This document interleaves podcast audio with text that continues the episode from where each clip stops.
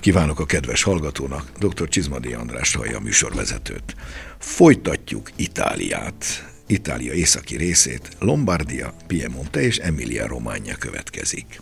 Maradunk északon, tovább haladunk nyugat felé, a Garda tótól már Lombardiában vagyunk. Itália leggazdagabb tartománya. Borban talán érdekes módon alig ismert, főleg mi felénk, de a világban is. Van ugyan pár kisebb borvidéke, de amiben igazán élen járó, az a pesgő. Méghozzá Franciacorta. Tovább nyugatra egy borban igen előkelő régióhoz érünk, ez már Piemonte, azaz a hegyek lába, számos híres világklasszissal, Barolo, Barberesco és társai. Majd aztán innen elindulunk délfelé, Emilia Romagna, Bolonyával, Itália gasztró fővárosával a közepén.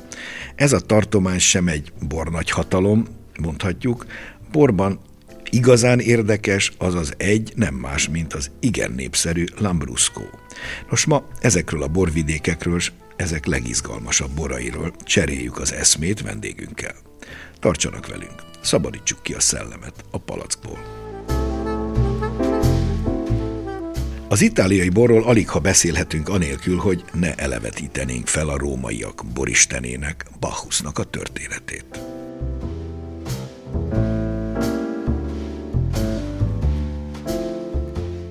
Bacchuszt Rómában a jókedv, a vigalom, a szüret, a szőlő és a bor isteneként tisztelték, a görög mitológiában Dionysosznak nevezték. A legenda szerint ügyes borkereskedőből vált a bor istenévé. Nevéről egy hordó típust is elneveztek, a Bacchus hordó egy kétfüles kis hordó volt. A rómaiak úgy gondolták, hogy a bor isteni eredetű, nagy becsben tartották, és ezért istenüknek évente ünnepélyeket rendeztek, úgynevezett bacchanáliákat. Ezeket az ünnepségeket minden év december 17-e és 23-a között ülték, és ilyenkor egymást is megajándékozták. Előfordult, hogy a Bacchus isten tiszteletére rendezett szertartások leple alatt férfiak és nők rejtélyes, érthetetlen, a római erkölcsöket megszégyenítő dolgokat műveltek. Bacchus isten papjai ezeken a szertartásokon avatták be a kultusz rejtelmeibe az új híveket, eközben a jelenlévők mindenféle erkölcstelen kicsapongásra vetemettek. Bachuszt sokféleképpen ábrázolták, általában fiatal, fit, hosszú hajú legényként, de előfordult, hogy idősebb, szakállas férfiként láthatjuk, olykor nőies, máskor férfias formában. Mindig szőlőfürdökkel, boros pohárral és borostyán koronával a fején mutatkozott. Bemutatom mai vendégünket, Orodán György borszakértőt, nemzetközi borakadémikust, a CEVI oktatóját. Üdvözlöm a hallgatókat! Lombardiával folytassuk. Itt noha egy-két érdekes bor is van, de a leglegebb mindenképpen az említett Franciacorta. Itt valamikor az 1960-as évek elején néhányan a fejükbe vették, hogy már pedig itt megcsinálják Itália sampányát. És megcsinálták? Igen, hát olyannyira jól sikerült ez a projekt, hogy a legautentikusabb tradicionális eljárással készülő olasz pesgőféleséget tudhatjuk a Franciacortánál, és ugye három szőlőfajta fontos amelyet meg szoktunk említeni. Itt a legfontosabb a Chardonnay, a, mellette a Pinot Noir és a Pinot Blanc, amelyet esetenként még házasítanak. Itt igazából ugye egy fontos területről beszélgetünk, amely az Ízeótó szomszédságában található, tehát a Lombardia megint. Bressától egy kicsit odébb pontosan, vagyunk, a Lombardia közepetáján. Pontosan, ugye a tónak a kiegyenlítő hatása érvényesül, alapvetően ilyen e, jégkorszaki morinatalaj, pici mészsel, mészmárgával, és egy hihetetlen elegáns stílus irányzatot tudhatunk be ugye a francsokortánál. Igen, tulajdonképpen ugye sampányt utánozzák bevallottan, és majd, hogy nem teljesen, hiszen a, a Pinot Noir, amit ugye itt értelmszerűen Pinot Nero-nak mondják olaszosan, de ugyanarról van szó, a Chardonnay sampányban is, a két főfajta, csak sampányban ott van még a Pinot Meunier, az itt nincs, helyette ott van viszont a Pinot családnak a Pinot Blanc, a fehér burgundi változata, még ha elenyésző mértékben is. De hogyan értékeljük az itteni pesgőket. A technológia azonos, a fajtakör is majdnem azonos. Nagyjából azt mondanám, hogy a, az alapanyagnak a cukorérettség egy picit magasabb egyetemű módon. Hát délebre vagyunk azért, Igen, champagne, ami és... persze nem nagy hiba. Igen, és inkább a gyümölcsösség mellett, ami ugye champagne inkább egy neutralitást mutat, a, a gyümölcsösség mellett ugye találkozunk a finom seprőnek a nagyon-nagyon szép precizellált jegykaraktereivel. Itt ugye a, a tóztosságot, a briós ízeket és egy kicsit ezt a kenyeres vonalat szoktunk megemlegíteni. Mennyi ideig érlelik? Mert ők is, ők is próbálkoznak hosszabb érleléssel. Itt általában 18 hónap a, a, szabályozás, de ugye tudunk följebb menni, tehát van egy kategória a, a Satin, ahol egy picit alacsonyabb a, a palacnyomás, ott 24 hónap, 100 Chardonnay, vannak ugye az évjáratosaink, ott 85 százalék a Chardonnay-nek az aránya, 30 hónapos finomseprős érlelés, a Rizervánál 60 hónap, és ugye vannak rozék is a területen. És rozé és Pinot Noirból, igen. Abszolút. Pinot Néróból, hogy pontosabbak legyünk. Igen, a szatén, ugye említett, a szatén az valójában a, a klasszikus Blanc de Blanc, a tiszta sárdoni, ugye, amit champagne Blanc de Blancnak hívnak. Én úgy tapasztaltam, hogy igen elegánsak, kicsit kerekdedebbek a szó legjobb értelmében, mint champagne. Nyilván nem kell akkora északi savakkal küzdeniük, mint champagne azért ott kell varázsolni, hogy azokat a savakat ihatóvá tegyék. Itt meg viszont valószínűleg könnyedebben érnek el egy szép éretszintet. Igen, a buborék szerkezet is könnyebben emészthető, azáltal ugye a, a palatnyomás egy hangyányt alacsonyabb. Nagyon-nagyon kedves ez a, a pesgő. Azt mondanám, hogy a, a vendégeknek és a pomodóróban mi általában poharazunk francsakortát, tehát ugye decire is tudnak nálunk kóstolni. Nagyon helyes. És nagyon-nagyon komoly a visszajelzés a piac részéről a francsakortával kapcsolatban. Prosecco Hol? mellett ugye nagyon-nagyon fontos területe szokott lenni a itáliának. Úgy is tartjuk azt hiszem, hogy Itáliának ez az első számú csúcsminőségű pesgője. Bár van Trentino, arról beszéltünk a múltkori adásban, ott is Ferrari meg hasonlókban eléggé jó pesgők, de talán Franciacorta azt hiszem, hogy eleganciában felülmúlja ezt. Igen, és ugye az eredetvédelmi ö, ö, bázisban is ő, ő följebb van, ugye 67-ben lett DOC, és 95-ben DOC G rangot kapott, tehát ö, ő, ott még Trento az ugye még mindig csak DOC, és hát ő várományosak gondolom a DOCG címnek, de ugye Franciakorta az magasabban van most jegyezve presztízs szempontjából. Ha már itt tartunk, azért csak megemlítjük, hogy Lombardiában bár Franciakorta a nagy sztár, de azért van még itt az említett kisebb borvidékek közül Oltrepo Pavese, ami Lombardia legdélibb széle, már majdnem Emilia Romagna határán vagyunk, a pont túli terület, ahogy mondják, ugye délfelé, ami rengetegféle bort készít, főleg a Pinot család és ennek rokonait, de elég sok pesgő is készül, szintén klasszikus módszerrel, ha nem is érnek el akkora presztíst, mint Franciacorta, de Oltrepo Pavese címke alatt klasszikus stílusú pesgők bizony elég bőséggel kaphatók. Nálunk ezt érdekes módon nem nagyon ismerik, valószínűleg nem nagyon hozzák be a kereskedőink, pedig azért valószínűleg érdemes lenne. Ha már Lombardiával vagyunk, még ne hagyjuk el addig, amíg nem említünk meg egy Kicsi, de nagyon izgalmas és főleg hősiesen termelő borvidéket, ez pedig Valtellina.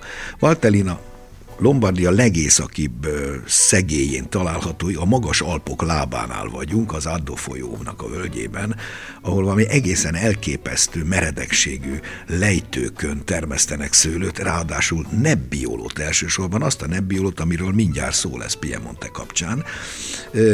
Ez a borvidék látványában sokat hasonlít például a Mózeli vagy akár a Dóróvölgyi igen meredek teraszos vidékekre, tehát hősies körülmények között készül bor. Nem nagyon jut Magyarországra, nem találkoztam vele, még ott kint is nagyjából 100 kilométeres körzeten belül megisszák, de bizonyára aki arra jár, nem ulassza el. Szik Mátyás borszakértő szomelié bajnok a francia kortáról elmélkedik.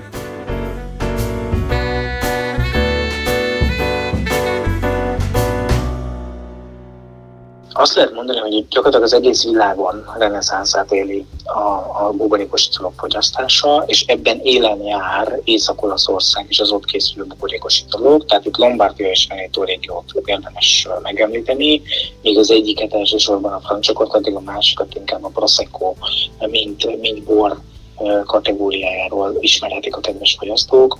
Egyértelműen mind a kettőnek helye van a piacon, míg a Prosecco sokkal inkább az egyszerűbb mindennapok bor a kategóriáját testesíti meg, addig a Franciacorta az egy a champagne régióval és azok készülő konkurálni kívánó kategóriát jelent.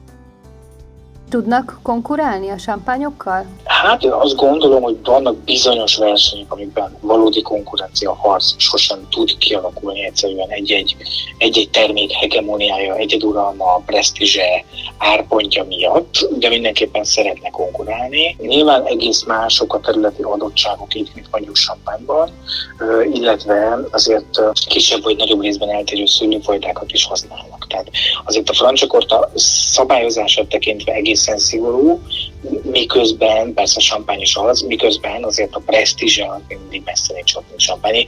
Ha lehet ilyet mondani, talán azt gondolom nem is lesz. A pesgős világ mennyire fogadja el ezt a versengést, vagy nem is versengés, hanem ezt az utolérni akarást, hogy a sámpányt szeretnék utolérni a francia kortával? Nem tudom, hogy utolérni szeretnék el, vagy pedig, vagy pedig hogy mondjam, versenytársak lenni. Én azt gondolom, hogy egy alternatívának mindenképpen elfogadhatja, és elfogadja egyébként a, a, a borászvilág, hiszen szükség van a sokszínűségre, a változatosság abszolút gyönyörködtet, és az teljesen egyértelmű, hogy a francsabor között nagyon más jellegű bor, persze pesgő, és nagyon magas minőségű pesgő, de más stílus nagyon, mint a, mint a sampányok zöme.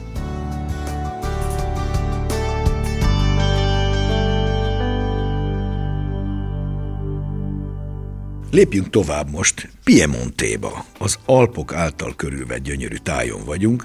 Ennek a politikai és gazdasági fővárosa Torino, de Borban viszont Asti városa központ. Csodálatos, dimbes, dombos táj ez, azt mondanám, hogy borturistáknak, komoly borturistáknak bakancslistára való. Itt minden szőlő borít. Etrusz kezdetek, némi görög hatással találkozva.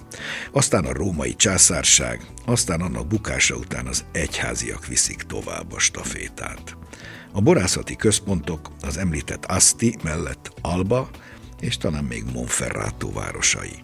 A borok érdekes módon sokáig édeskések voltak. A vöröseknek silleres színük volt.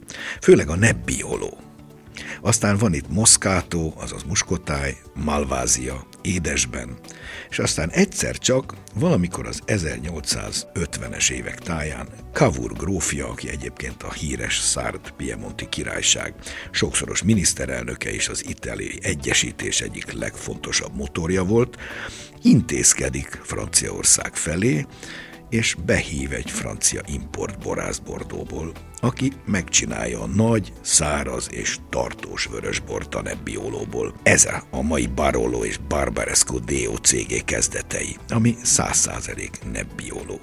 Gyuri, milyen a híres Barolo és a Barbaresco? Milyen ez a Nebbioló? Mit tudhatunk erről? Maga a szőlőfajta, ugye főleg Itáliának ugye az északi részén találkozunk vele, 5500 hektár szumma Itáliában, és ugye ebből 4700 hektár Csak itt csak itt ugye Piemontban.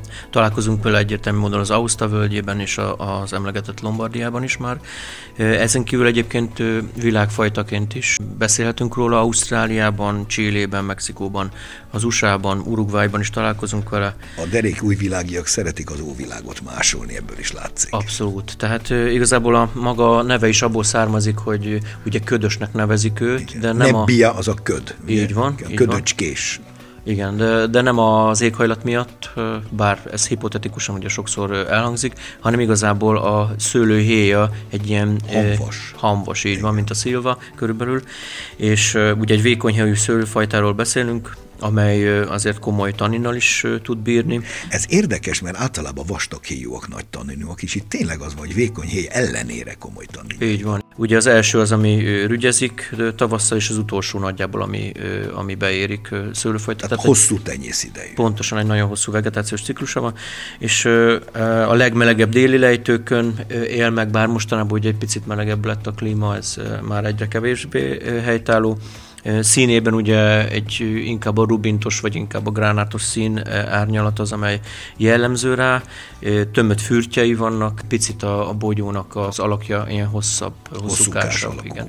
Nagyjából egyébként itt, ha a Piemontot nézzük, 10% az, amelyet a területekből ez a szőlőfajta foglal el, míg a Barbera az ugye 30 százalék környékén van. Ha már itt tartunk, akkor soroljuk fel a többi piemonti nagy kékszőlőt, mert van itt három-négy lokális fajta, ugye a Nebbiolot tartják a, a csúcsnak talán, bár nem biztos, hogy ez az igaz, de így tartja a világ, és akkor az említett Barbera, ami egy nagyon fontos fajta. Igen, aztán ugye a Dolcetto szokott még kóstolókon nagyon-nagyon szépen szerepelni, és aztán a, a Bonardát szoktuk még ugye megemlíteni. Van itt egy, egy nagyon lokális fajta, amiből mai napig is biztos honfitársaink egy része örülne neki, édes vörös készül, ez a Brachetto, Akviváros környékén. A mi ízlésünknek általában felejthető, de vannak fanatikusai.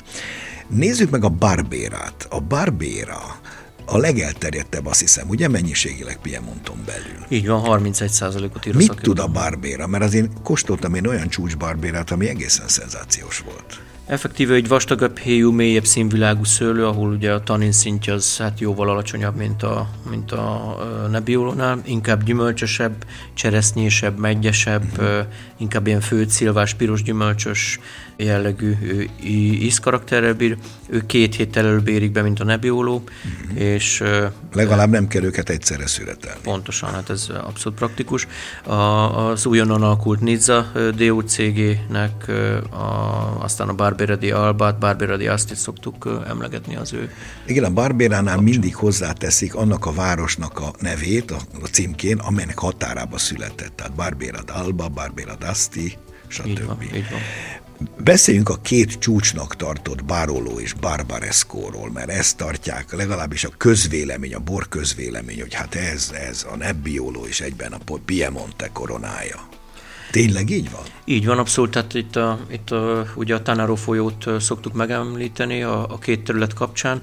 Effektíve a Barolo az a, úgy szoktuk ugye emlegetni hipotetikusan, hogy a, a területnek a királya, tehát a legfontosabb borféleség Piemontban. 181 ilyen mega, úgynevezett pici kis geográfiai terület található. Ezen kívül ugye 11 kommunát szoktunk még megjeleníteni a, a, a kapcsán. 966-tól lett DOC, és a 80-as években, 1980-ban kapta meg a DOC rangot. Ehhez képest a nem túl messze lévő, talán 10 kilométerre lévő Barbaresco, ami ugyancsak Nebbioló, miben más? Mert árnyalatnyit más van, túl nagy különbség nem nagyon látszik.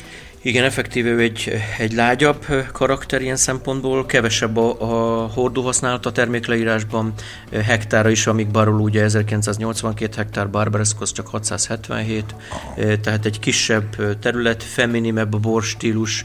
Igazából mondhatom azt, hogy a, a, még, a, még a Barolónál ugye nagyon sokáig a, a kereste az útját a, a terület, ugye a 80-as években is folyamatosan ugye a modernisták és a tradicionalistáknak a harcai jellemezte, idézőben harcai jellemezte a terület területet, addig a Barbaresco-nál ugye Angelo Gaia volt, aki, aki a ő modern értelemben fölrajzolta a térképre a területet. Szik Mátyás borszakértőt, szomelé bajnokot arról kérdeztük, hogy hogyan értékeli a Piemonti nagyvörösborokat. Piemont tulajdonképpen az egyik legfontosabb bortermelés szempontjából a világon egyébként, tehát nem csak Olaszországban. Ugye maga a, a borvidéknek a neve, ugye olaszul ez IP di Monti, tehát a hegyek lábánál, ennyit tesz, egy nagyon különleges adottságú terület. Egyértelműen itt a kortéze, mint fehér szülőfajta és a nebbioló, mint kék szülőfajta meghatározóak, ez, ez nagyon fontos, és egy gyönyörű vidékről beszélgetünk. Magának a, a Nebbiolo, illetve Nebbiolón nyugvó házasításoknak az alapja minden, minden származik. Ezek közül is kiemelkedik a Barolo és a Barbaresco. Az egyik a Barbaresco talán kicsit könnyebben és korábban fogyasztható italok kategóriájába, míg a Barolo a hosszabban érlehető vörösborok kategóriájába tartozik. Mind a kettő nagyon-nagyon hangsúlyos, majd hogy tannin hangsúlyos, és egyértelműen hosszú érlelési potenciálra rendelkező borokat adó szülőfajtából származik, tehát a Nebbiolóból nagyon össze összetett és komplex borokról beszélünk, annak ellenére, hogy ezek klasszikusan nem nagyon testes, nem nagyon nehéz borok. A Barolo vagy a Barbaresco az elterjedtebb vagy a népszerűbb? A Barbera és a Dolcetto azok nagyjából a Piemonti mindennapi ivóborok, és akkor ehhez képest a Barbaresco és a Barolo azért szinten följebb van, és ebből is kiemelkedik egy kicsit a Barolo. Részben azért, mert talán még lassabban érik, még hosszabban érlehető kategóriáról van szó, részben pedig azért, mert a Barbaresco-val kevesebben foglalkoznak, aki viszont igen, mint például Angelo Gaia, ők nagyon magas minőségben teszik ezt. Rengetegféle olasz vörösbor van. Érdemes ezek között különbséget tenni, vagy egyszerűen csak menjünk oda, élvezzük? Mit tanácsol a hétköznapi fogyasztónak? Az olasz borokhoz nagyon jó iránytű kell. Ezt egyszer egy olasz borokkal foglalkozó szakértő eh, mondta így, és nekem ez nagyon tetszik, ez a megfogalmazás, maradéktalanul egyetértek alá, ugyanis uh, itt nagyon könnyen előfordul, viszonylag magas áron, ha nem is csapnivaló, de egy gyengébb minőséget kóstolunk. Adott esetben ez lehet szülőfajtából adódó eltérés, de lehet uh, borászati, technológiai vagy éppen terroárbeli eltérés is. Érdemes valamelyest megismerni azokat a fajtákat, gondolok itt akár a Bonardára, a Freizára, a Groatinára, ugyanakkor a híres vörös borokat azért már, már zömében ismerni illik. Miközben az a helyzet, hogy a bort azért alapvetően kóstoljuk, és a két legfontosabb kategóriájuk az ízlik és a nem ízlik.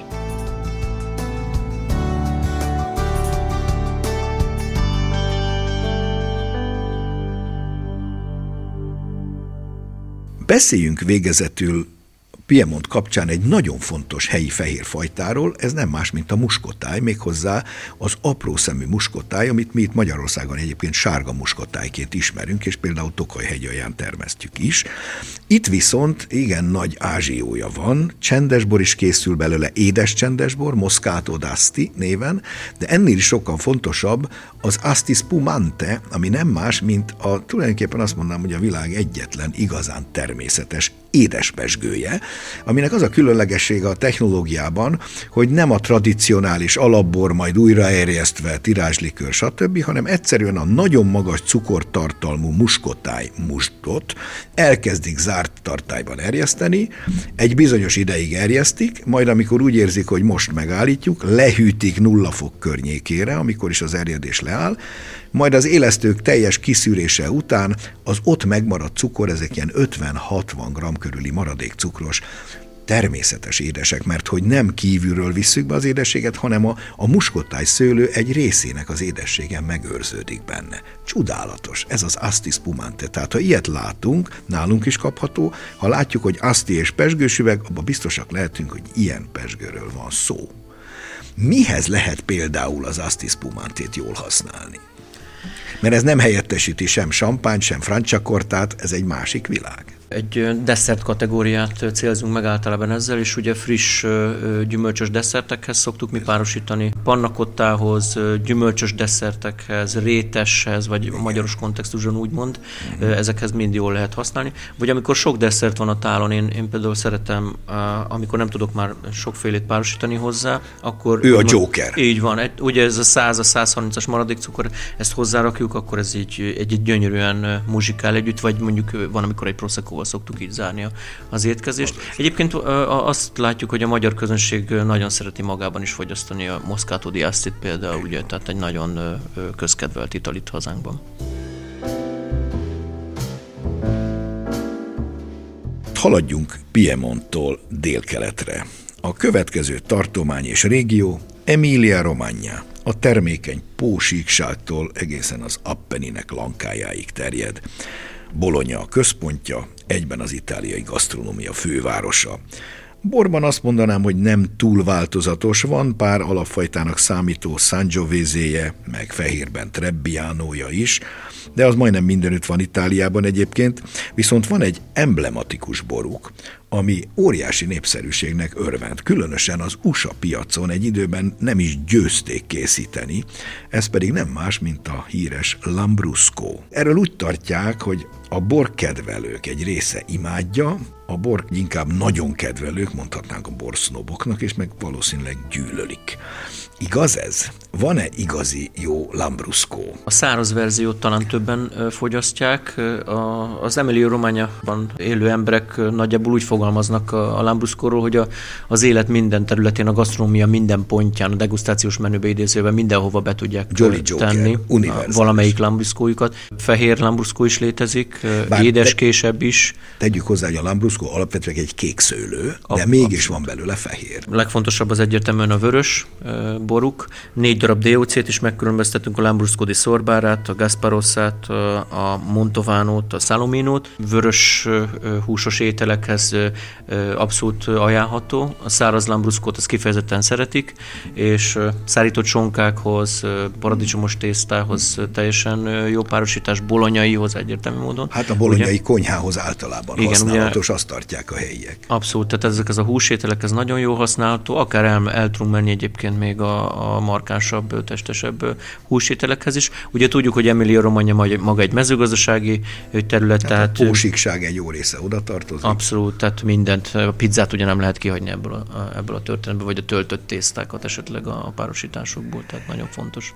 Maga a Lambrusco egy nagyon mélyszínű bort ad, ugye? Nagyon valószínűleg a héja is vastag, és igen mélyszínű, alig lehet átlátni rajta jellegzetes illatai vannak. Ilyen nagyon-nagyon, mondhatnám, hogy szinte agresszíven gyümölcsös a vörös lambrusco legalábbis. Igen, kifejezetten erős, gyümölcsös, nagyon vibráló az egész bor.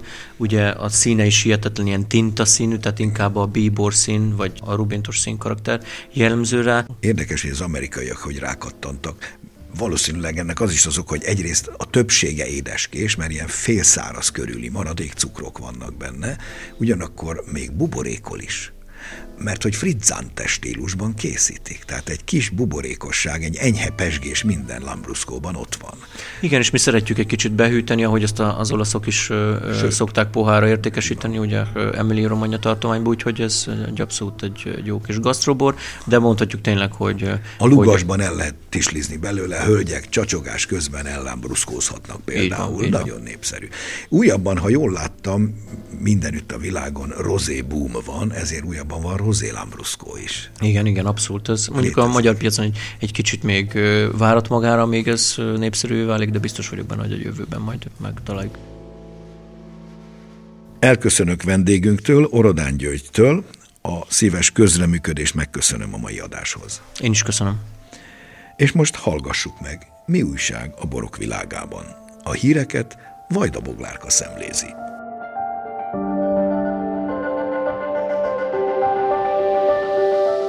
A Tokaj borvidék fejlődéséért non-profit Kft. kihirdette, ki lett a két kilométer hosszú tokai libegő tervezésére kiírt pályázat nyertese. A tervezést a Hadas Építészmérnöki Művészeti Kft. végezheti összesen 48,5 millió forintból. A tervezési feladatok közé tartozik a libegő nyomvonalának, valamint az állomások és a tervezet 9-14 darab tartóoszlop területének részletes geodéziai felmérése. A tervezett nyomvonal várhatóan 27 ingatlant fog érinteni, változatos domborzati adottságokkal és eltérő növényborítottsággal rendelkező területeken fut majd, kül- és belterületen egyaránt. Elhagyott zárt kerti ingatlanokat, valamint korábban bányaterületként funkcionáló területeket érintve. Április 28-a és május 1 -e között ismét borkedvelők és borászok töltik meg az EGRI dobóteret, hogy megkóstolják az EGRI csillagok új 2021-es évjáratát. A bortípus legismertebb klasszikus tételeinek legfrissebb borait ugyanis ilyenkor tavasszal mutatják be az EGRI borászok. Az Egri csillag típust 2010-ben hozták létre, és nem sokkal később követte az esemény az első Egri csillag weekend. A rendezvény azóta elengedhetetlen részévé vált az Egri boros programoknak. Idén 11. alkalommal nyitja meg tavasszal a nagy Egri borfesztiválok szezonját. A Hollósi Zsombor borász vezette Holló Pince az év boros gazdája a Nivegyvölgyben 2022 címnyertese, derült ki Balatoncsicsón a Szent Balázs-hegyen lévő Gergely borházban megtartott versenyen, amit a Nivegy völgyi hegyközség szervezett. A versenyen három darab nagy aranyérmet, 17 aranyérmet, 57 ezüstérmet és 12 bronzérmet adtak át, s két oklevél minősítés is született. Az évbora 2022 címnyertese a Cseh Családi Pince 2021. évjáratú zánkai olasz Riesling borával. A legjobb vörösbor 2022 címnyertese a Szabó és Fia Borpince 2020-as évjáratú Merló borával.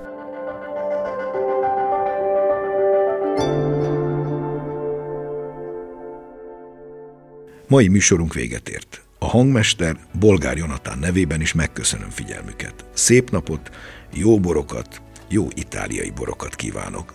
Dr. Csizmadi Andrást hallották. Mai adásunkat a mediaclick.hu honlapon hallgathatják meg újra. A műsort az MTVA készítette 2022-ben.